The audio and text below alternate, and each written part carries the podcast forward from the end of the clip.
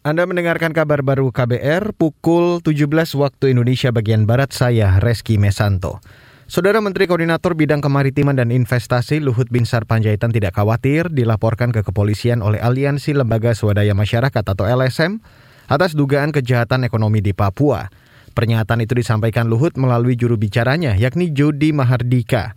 Kepada KBR, Jody mengatakan pihak yang seharusnya khawatir adalah para pelapor yang membuat kajian tanpa konfirmasi mendalam lalu memviralkan hasilnya.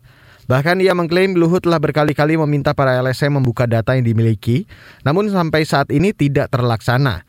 Menurutnya, para LSM terkesan hanya mempertahankan reputasinya daripada menyampaikan fakta.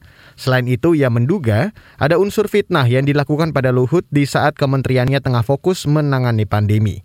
Sebelumnya, sejumlah LSM berencana melaporkan dugaan keterlibatan Menko Maritim dan Investasi Luhut Binsar Panjaitan dalam bisnis tambang di Intan Jaya, Papua.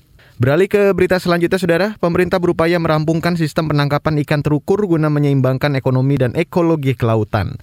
Pernyataan itu disampaikan Menteri Kelautan dan Perikanan Sakti Wahyu Trenggono saat rapat kerja bersama Komisi Bidang Kelautan DPR di Jakarta hari ini. Saya jawab dengan penangkapan terukur itu adalah ada monitoring teknologi yang bisa melihat secara langsung dengan sistem ini maka kita akan bisa menentukan bahwa uh, posisi atau stok perikanan kita itu sebenarnya berapa sebenarnya. Nah ini kapan bisa diketahui ketika implementasi dari kebijakan penangkapan terukur ini bisa direalisasikan.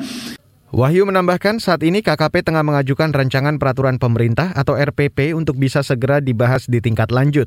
Sebelumnya, subsektor perikanan tangkap dikelola berbasis input control yang hanya mempertimbangkan perizinan sebagai instrumen pengendalian dalam pengelolaan perikanan.